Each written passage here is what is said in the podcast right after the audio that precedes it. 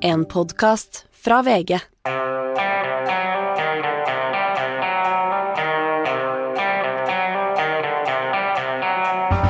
Ikke visste jeg at alle disse dagene som kom og gikk, de var selve uke 14. Uh, alltid godt med fredag, Hanne. Litt ekstra godt denne uka, kanskje? Ja, litt godt. Nå er det påske neste uke. Nå er det påske neste uke, og så har vi hatt, det har vært en veldig spesiell uke altså i, i, for oss. Eh, og, og for lyttere og tidligere lyttere. Vi har da, etter å ha lagt ut denne podkasten åpen i eh, sju år, så kom jeg altså bak betalingsmur eh, denne uka. Vi var veldig spent, Anders. Veldig spent på det. Eh, Det har jo gått, det har gått veldig bra. Jeg skal ikke mase altfor mye om det, for de lytterne som nå betaler for å høre oss, de er litt lei av å høre at jeg maser om det. Men det er for at vi vil at de skal spre det glade budskapet og få enda flere faste lyttere inn. Da. Det må være lov det, Anders. Litt. Ja, ja litt grann må, vi, må, det tåle. Jeg har bare fått litt tilbakemeldinger på Facebook og sånne ting om at Skal vi si nok nå, da, eller? Ja, men det var som en sa, vi som er der inne, vi har allerede betalt, så vi trenger ikke å høre mer om dette. Men i dag så er vi åpne og tilgjengelige på alle plattformer, så dere som hører på oss nå, gratis, dere må tåle å høre litt, eh, rekla litt reklame. Ja. Reklamefinansiert. Ja, Og kom inn neste uke, alle dere som ikke er der allerede. Ja, det er vi, har, vi planlegger nå for neste uke, og skal, hvis alt går etter planen, så kjører vi hver dag hele påskeuka. Eh, altså mandag, tirsdag, onsdag, torsdag, og eh, en åpen eh, fredagssending. Så noen må holde hjula i gang, selv om eh, andre skal på påskefjellet. Ja, Og de som er på påskeferie, kan jo bruke tida hvis de kjeder seg litt sammen med familien eller andre på å høre litt på oss da òg. Det er veldig deilig sånn når du har vært på hytta med øh, folk i flere dager, å kunne putte noen dotter i ørene og gå inn i en annen verden. I vår verden. I vår verden. Du skal på tur du, Hanne? Jeg skal til Paris med mannen min. Av alle kjedelige ting å gjøre, så skal du til Paris i uh, april. Det Og jeg er- gleder meg helt sjukt møte våren i Paris. Det er åh. Det er helt fantastisk. Jeg var ganske voksen før jeg egentlig aksepterte Paris. Jeg var som gutter flest. Jeg syntes det var en sånn jåleby med sånne franskmenn som bare prøvde seg på damene våre, og var eh, Og jenter som dro til Paris og hadde, kunne fransk på skolen og kom tilbake og kalte det Paris, og kanskje hadde fått seg kjæreste der og sånn. Jeg kunne ikke fordra det. Så jeg måtte bli ganske voksen før jeg virkelig klarte å ta inn den byen, men jeg må jo bare innrømme at det er en av verdens aller mest fantastiske byer. Ja, mitt første møte med Paris var jeg var på klassetur med de fransk valgfaggruppa i 9. klasse. Da snakket vi tilbake til 1982. Det var en fantastisk opplevelse. Vi gikk på diskotek og drakk litt og gjorde mye gøye greier. Snakker du fransk eh, ennå? Nei, vet du. Jeg hadde jo fransk på ungdomsskolen, syntes det var gøy. Og så kom jeg på videregående, så var jeg ikke så begeistra for læreren der, så det protesterte jeg ved ikke å gjøre lekser. Det var en eh, konstruktiv protest. Utrolig teit. Moren min var fransklærer, hun ville gjerne hjelpe meg. Jeg sa nei helt til jeg kom opp i fransk eksamen. Da satt jeg og nileste i to døgn.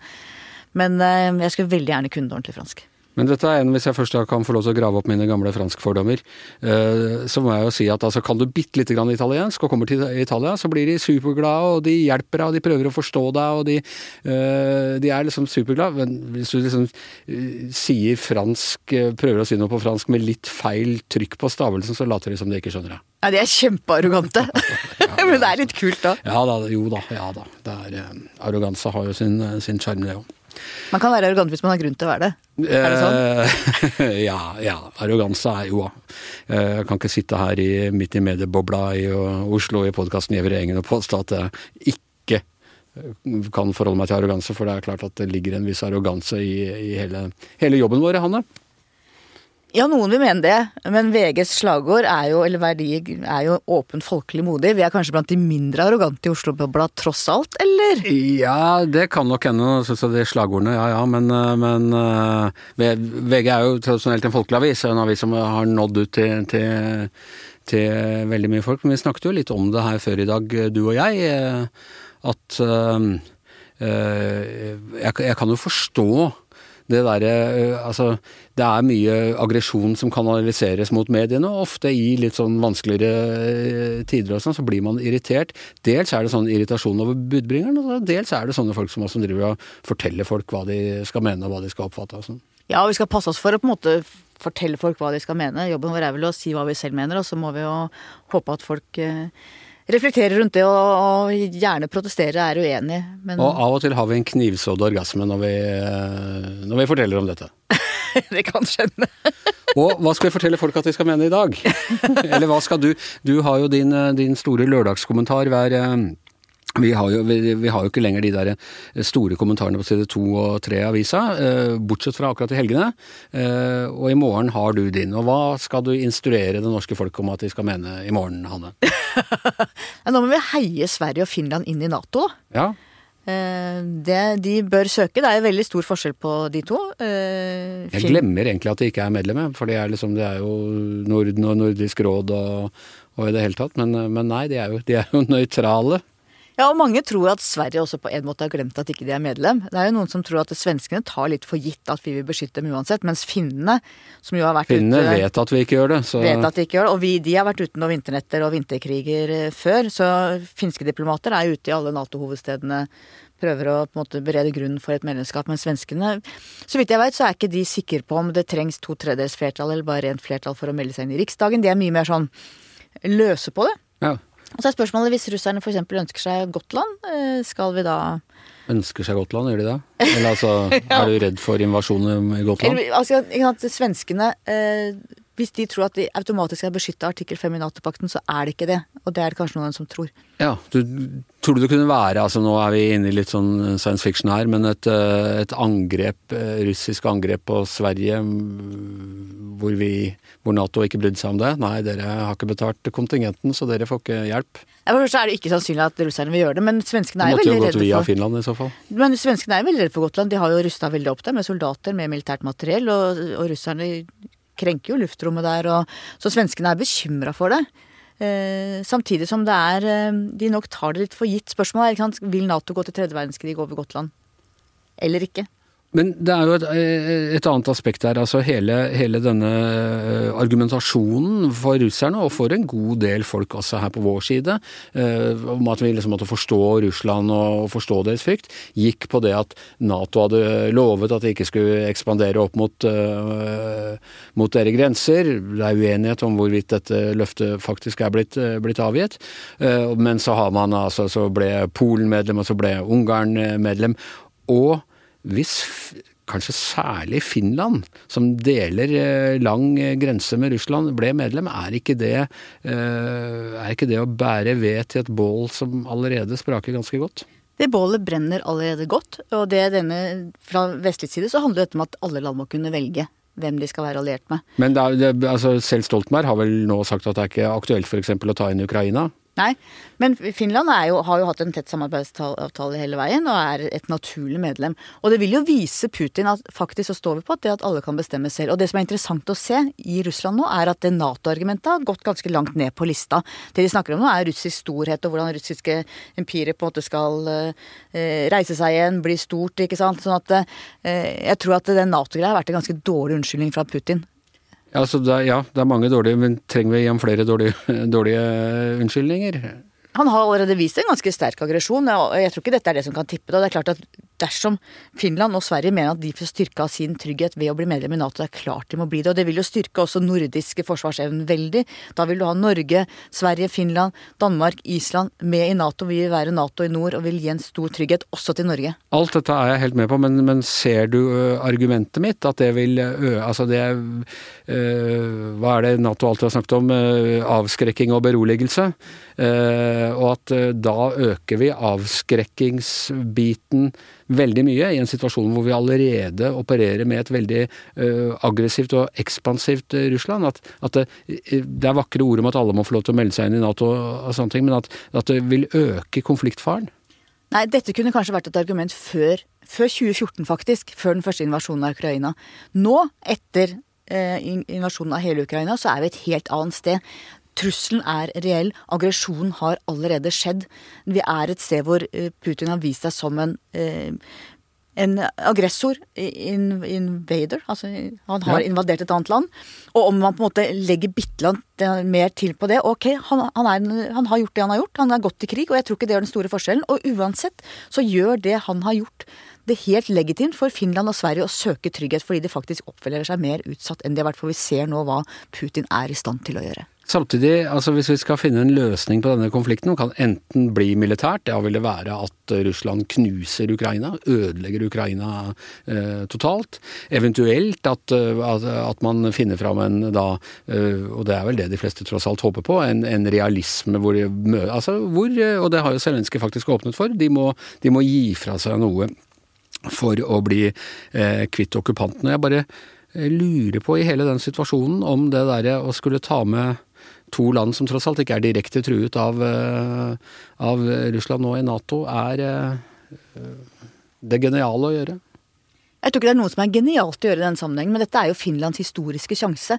Husk på de, eh, da de fikk etter andre verdenskrig, så måtte de jo inngå en såkalt vennskapsavtale med Sovjetunionen. De fikk ikke melde seg inn i den vestlige alliansen. De har vært hele tiden i en ganske utsatt posisjon, og finsk utenrikspolitikk har jo båret preg av å være veldig sånn realpolitisk og ganske nøktern. Det er noen av verdens beste diplomater. De kommer fra finsk UD, for de kan virkelig forhandle. Og balansere, ikke sant. Så nå har de en historisk sjanse til å knytte seg til eh, til Nato-alliansen, som de mener jeg må benytte seg av, og som de selv ser at de må benytte seg av.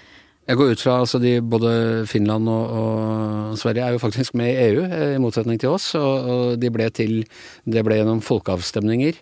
Eh, vi hadde jo ikke noen folkeavstemning i, i Norge om uh, Nato, men det må vel kanskje de ha? Ja, Det er et godt spørsmål. Finnene har vel sagt at det trenger de, tror de ikke at de trenger.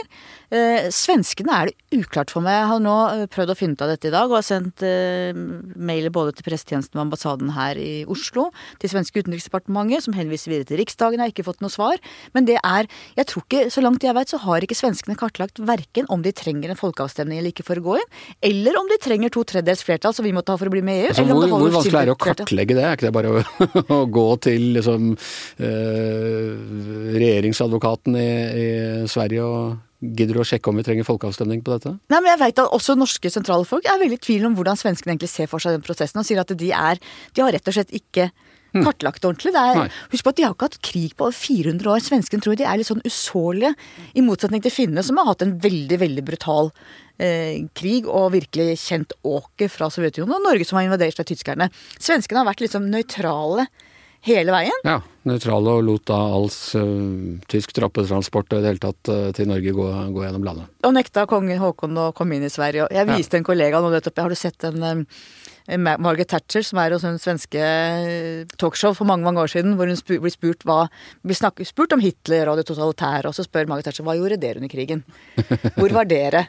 For hun, programlederen spør ikke sant, det er det at noen sier at de er bedre enn andre. Mm. Og siden er det ikke bedre enn andre å forsvare seg mot dette.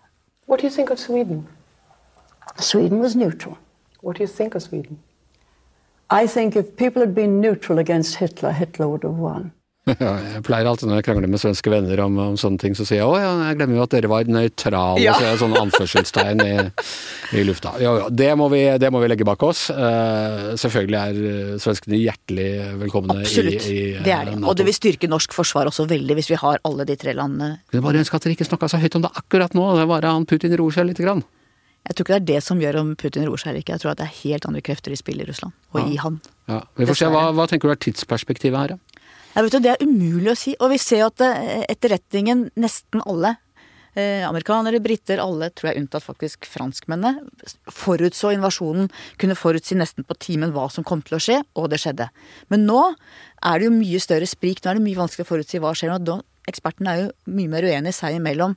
Så, det er, så jeg våger ikke oppkaste meg til noen eh, ekspert som veit noe om dette. Det kan, det kan bli en forhandlingsløsning, det kan bli at én vinner, det kan bli at det blir en sånn frossenkonflikt lang, lang tid framover. Uansett blir det helt forferdelig, Anders. Vi har, jo, eh, vi har, jo, her i VG en del vil jeg si, eksperter på bakken. Noen av de eh, i Norge som kanskje vet mest om hva krig faktisk vil si i praksis. Og en av dem er Harald Henden, fotograf og reporter som har jobbet godt over 30 år i VG og dekket omtrent alle de store konfliktene på den tiden. han var i Kiev da angrepet startet. Han har vært her i podkasten og snakket om det. Etter det igjen så dro han tilbake til Kiev, og da tok han rett og slett bilen sin og kjørte eh, fra Oslo til Kiev via Sverige og Polen. Eh, vi hadde ham eh, som gjest i premiumspodden vår denne uka. Jeg tenkte vi bare kan høre et lite klipp han forteller da han kom fram til Kiev, og eh, første natten så ble det bombet noen hangarer rett i nærheten av der de bodde. Fra hotellrommet mitt så hørte jeg nedslagene, tre nedslag, og en stor svart røyksky som veltet opp.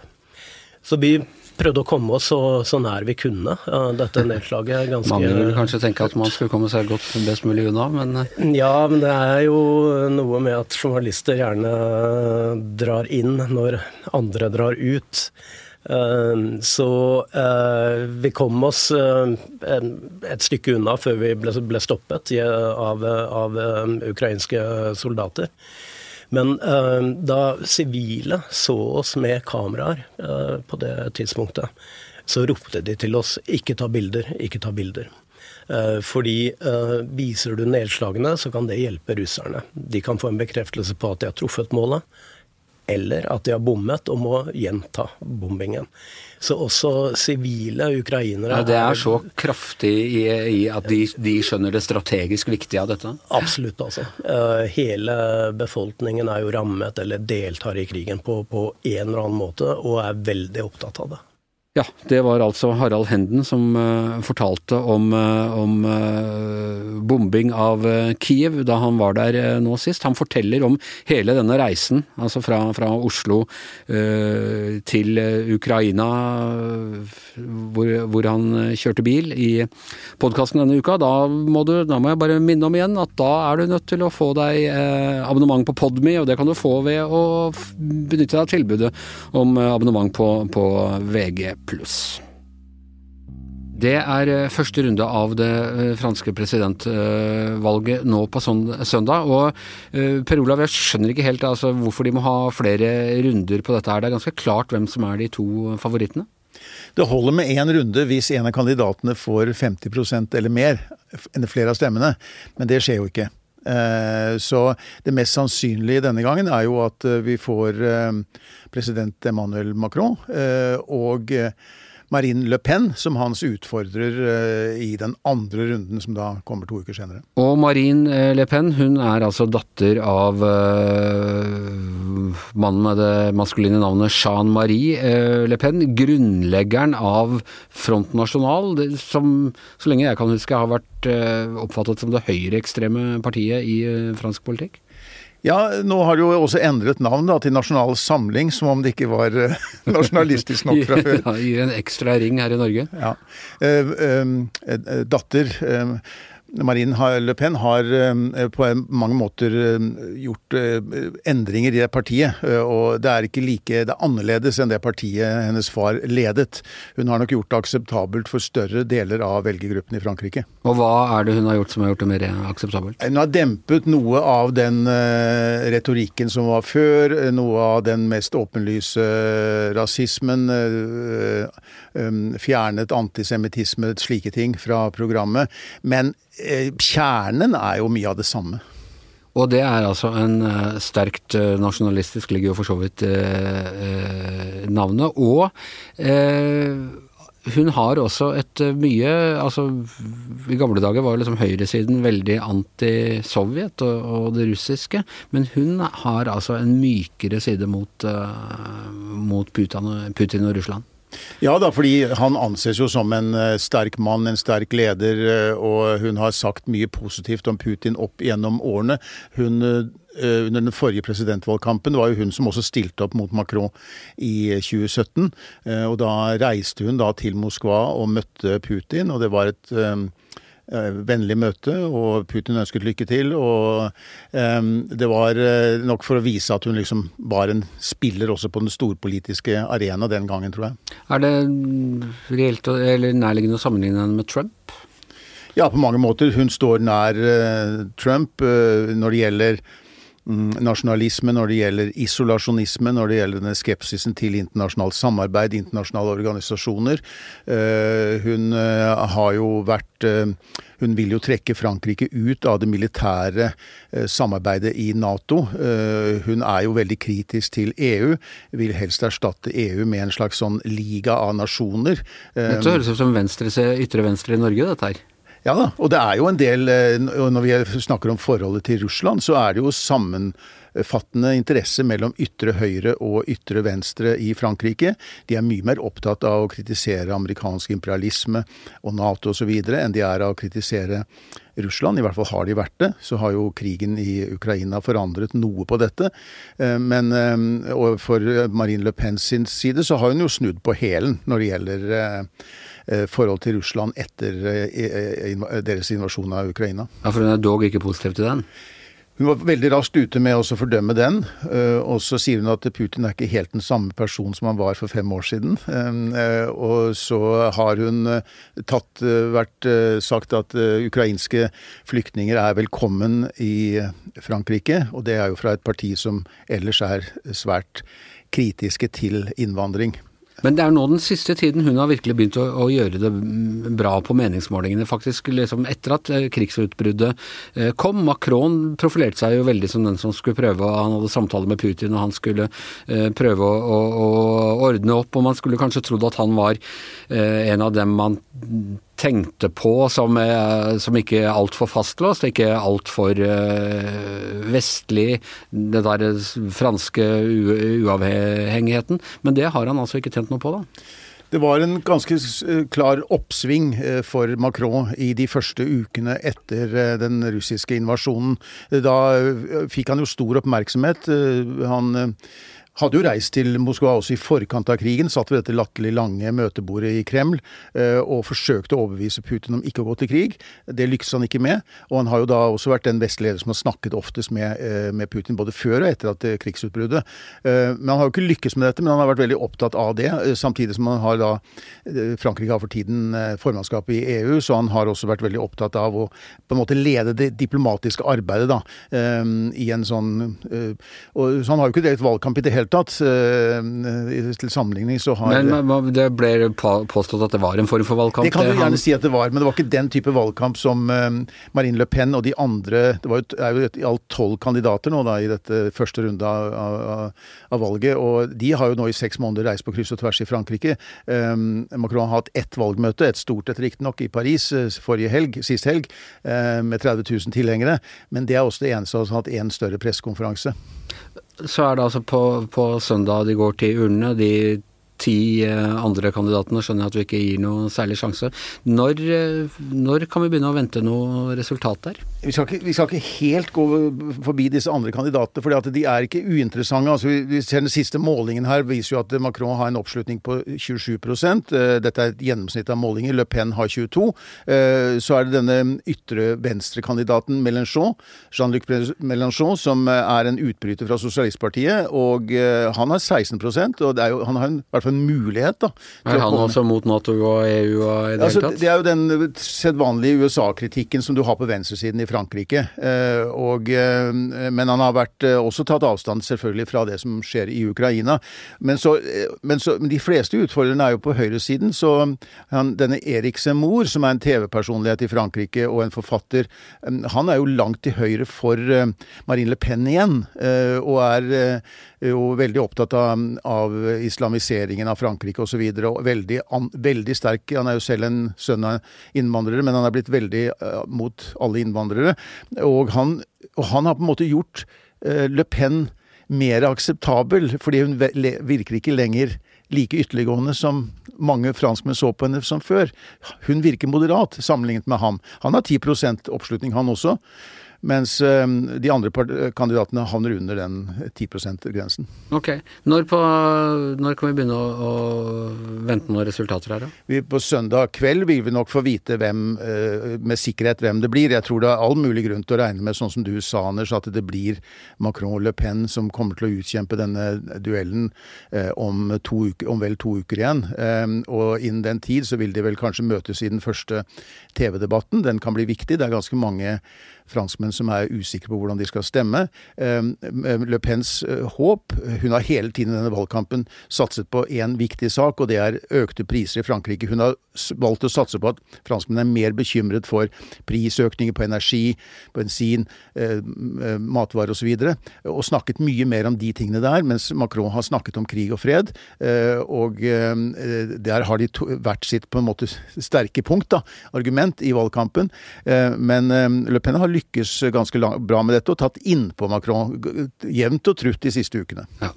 Eh, Det blir spennende å se. Det er jo påske neste uke, men noen av oss skal holde hjula i gang, så vi kan jo prate om dette på mandag også, når vi ser litt resultater, eh, Per Olav. Ja, det er jo øh, Det, det kan absolutt bli det, det vi har å forholde oss til nå, er meningsmålinger. Og det styrkeforholdet er viktig å, ha, å følge med på.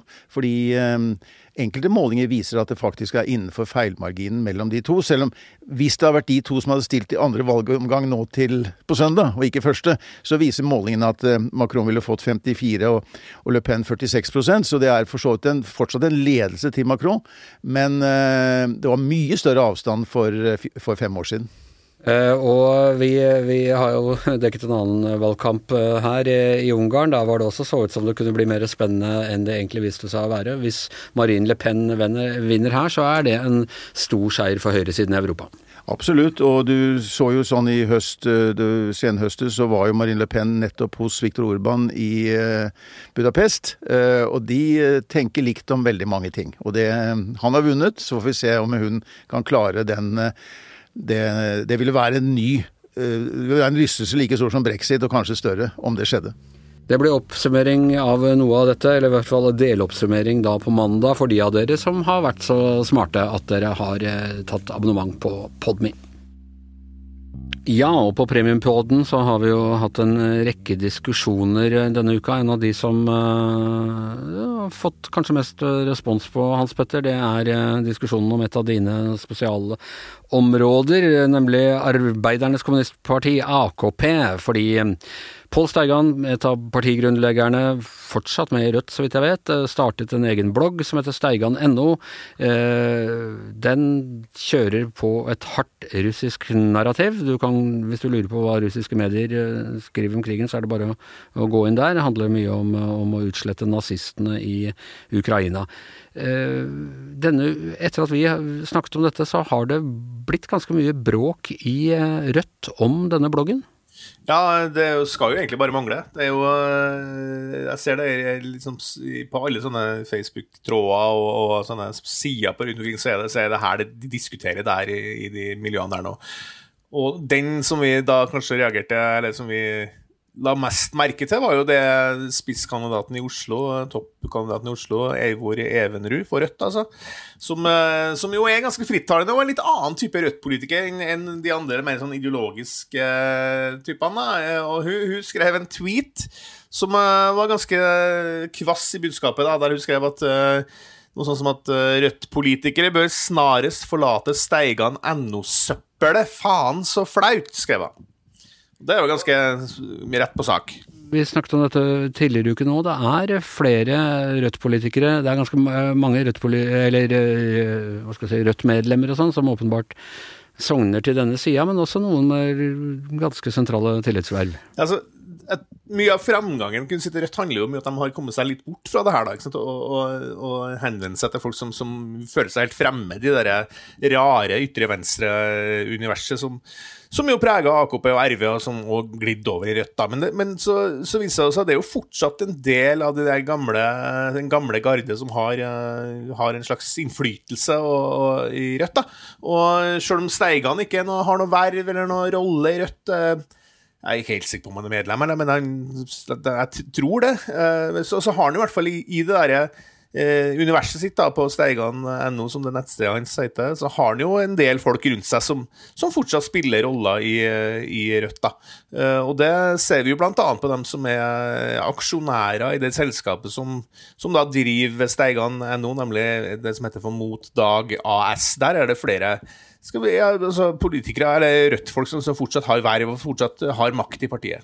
Eh, Denne, det har vært da oppmerksomhet i eh, flere steder, flere medier har, har skrevet om dette her, og mange har utfordra Rødt på å ta et oppgjør med det.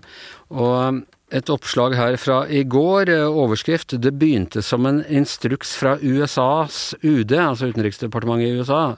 Er turen kommet til utrenskninger i Rødt?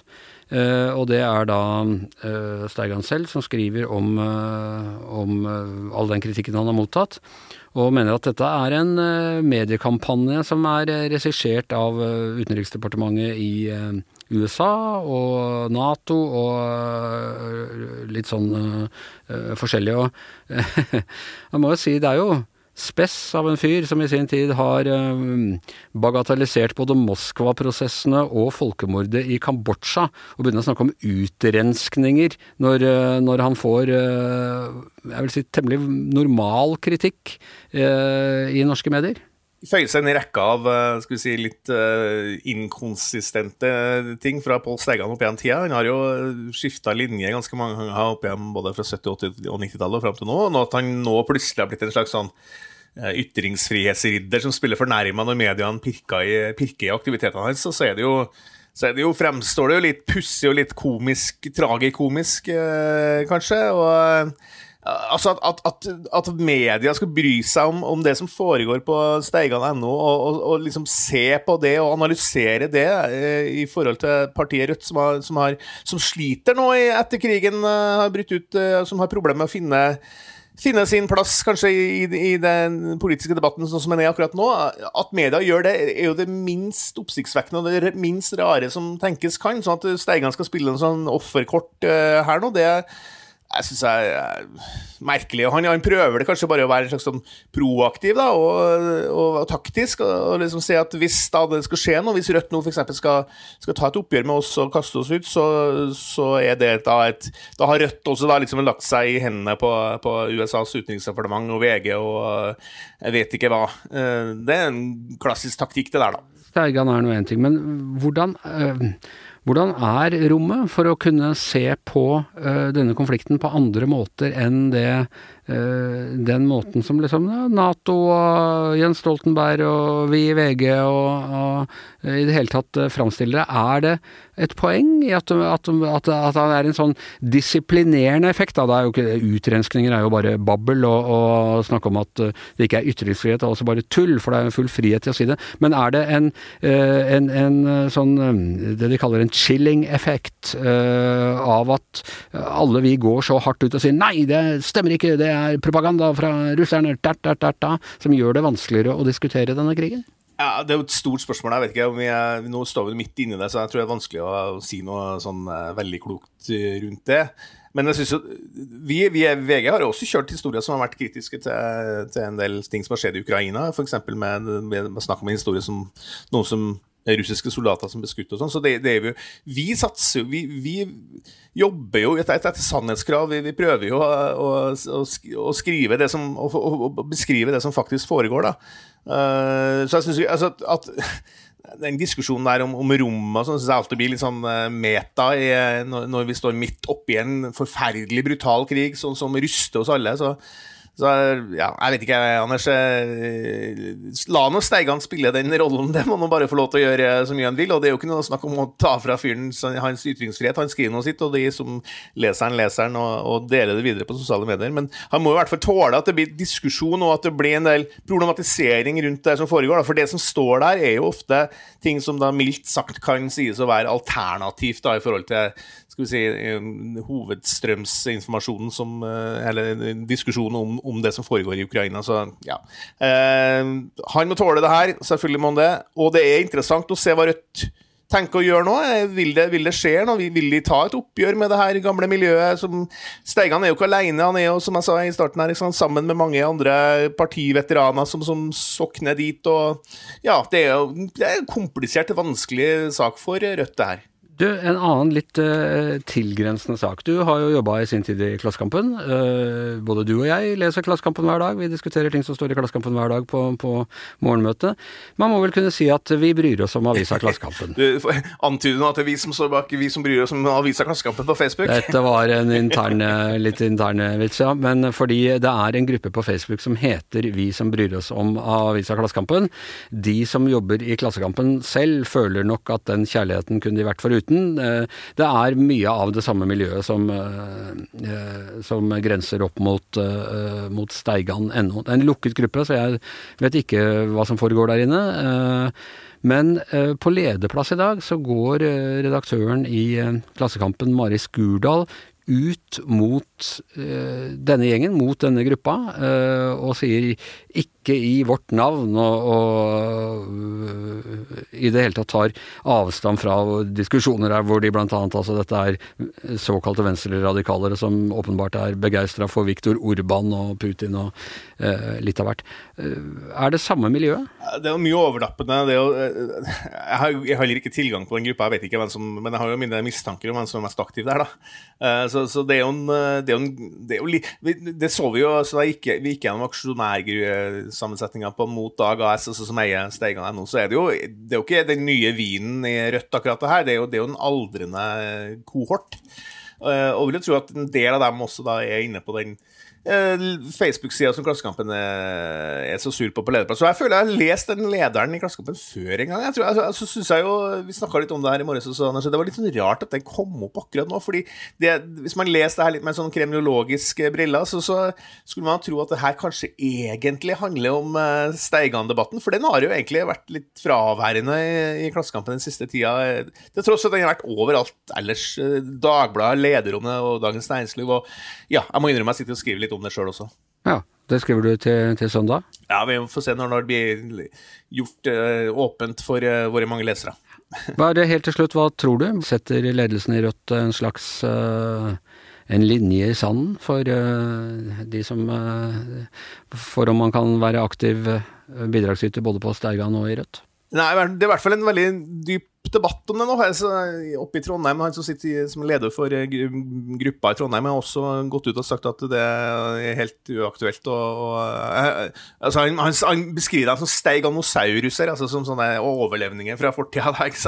Eh, at det å være tillitsvalgt og det å øh, i hvert fall en, ha en rolle i Rødt, da, det er uforenlig med, med det å drive og leke med steigene, som man skriver. Uh, sånn at på et eller annet nivå så tror jeg det vil komme en slags oppgjør. Men de, de, det er jo skummelt for dem, for det er jo, mange av Rødt-velgerne er også enige, enig eller har et slags forhold til Pål Steigan fortsatt. Og, og det, er, det, er, det er ikke lett bare å bryte tvert over der, det er en risiko å ta, det. og ja, jeg tror, jeg, synes, jeg tror, som jeg sa i stad, tror, tror at Rødt først og syns det her er ganske sånn eh, uggent og litt ekkelt og, og for, å, for å, å bry seg om. Og derfor så er det jo så stille fra dem. Og vanligvis så hører jo Rødt-politikerne kommer jo spretter jo opp som, eh, som eh, altså Du kan bare knipse fingrene så hjemme på klar og, og komme med uttalelser og alt mulig sånt. Her i denne saken her så har det liksom vært litt sånn ja, lunkent fra partiledelsen, og man liker ikke å snakke helt om det. Lunkent fra partiledelsen og har ikke stått så mye om det i Klassekampen. Steigan selv skriver på eh, bloggen sin i dag at råkjøret mot Steigan.no er nesten uten sidestykke i norsk pressehistorie. Og med det er Giæver og gjengen over for denne uka. Nå går vi inn i eh, premiumpodden vår igjen eh, fra mandag, men vi satser på å komme med episoder mandag, tirsdag, onsdag og torsdag. Og så er vi tilbake igjen i det åpne neste uke, på, altså på langfredag. Tusen takk til Anne Skartvedt, tusen takk til Per Olav Ødegaard, tusen takk til Hans Petter Sjøli. Jeg heter Anders Giæver, og mannen som eh, har leiet oss ut i det fri og nå leier oss tilbake igjen, det er som vanlig produsent Magne Antonsen.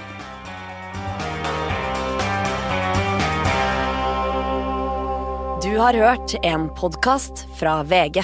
Ansvarlig redaktør, Gard Steiro.